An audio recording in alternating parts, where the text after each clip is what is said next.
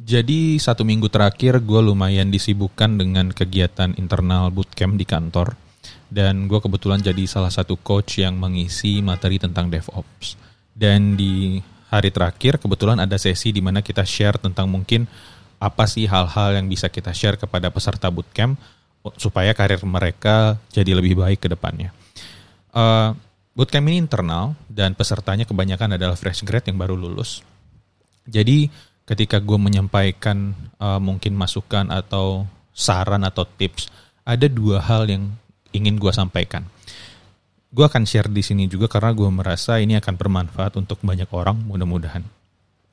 Yang pertama adalah tentang bagaimana kita perlu belajar dari junior.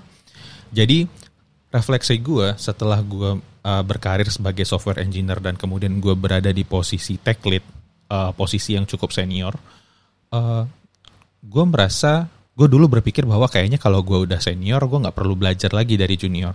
Gue cukup belajar lagi dengan orang yang lebih senior. Tapi ternyata setelah gue jalani ada banyak hal yang bisa gue pelajari dari junior. Pertanyaannya kenapa? Karena dulu ketika gue masih kuliah dengan mereka yang masih berada di bangku kuliah itu experience-nya beda banget. Dulu gue ketika kuliah gue masih banyak main, bisa pergi main ke mana-mana.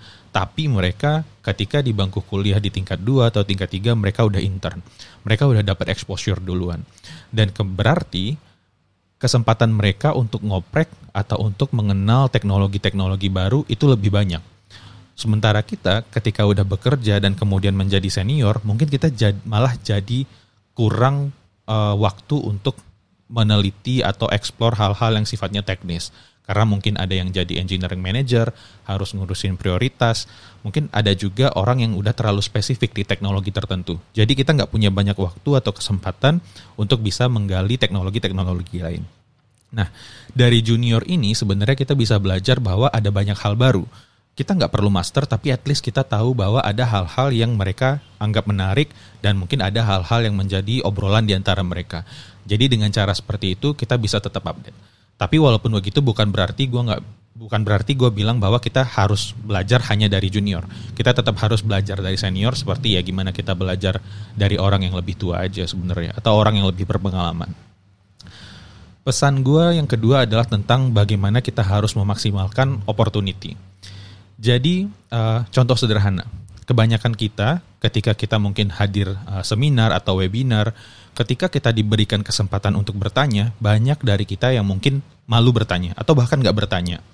Padahal sebenarnya ketika kita tidak bertanya, kita udah kehilangan satu kesempatan untuk bisa grow.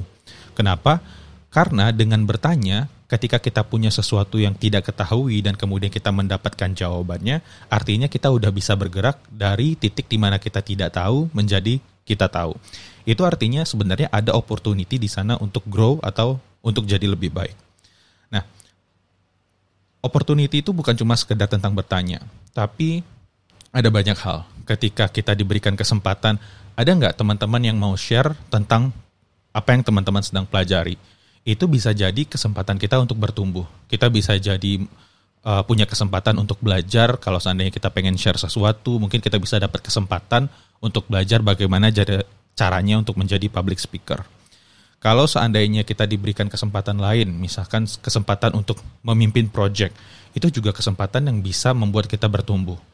Apakah kita harus dibatasi dengan ketakutan bahwa kita nantinya akan nggak bisa? Gua rasa seharusnya kita nggak berpikiran seperti itu.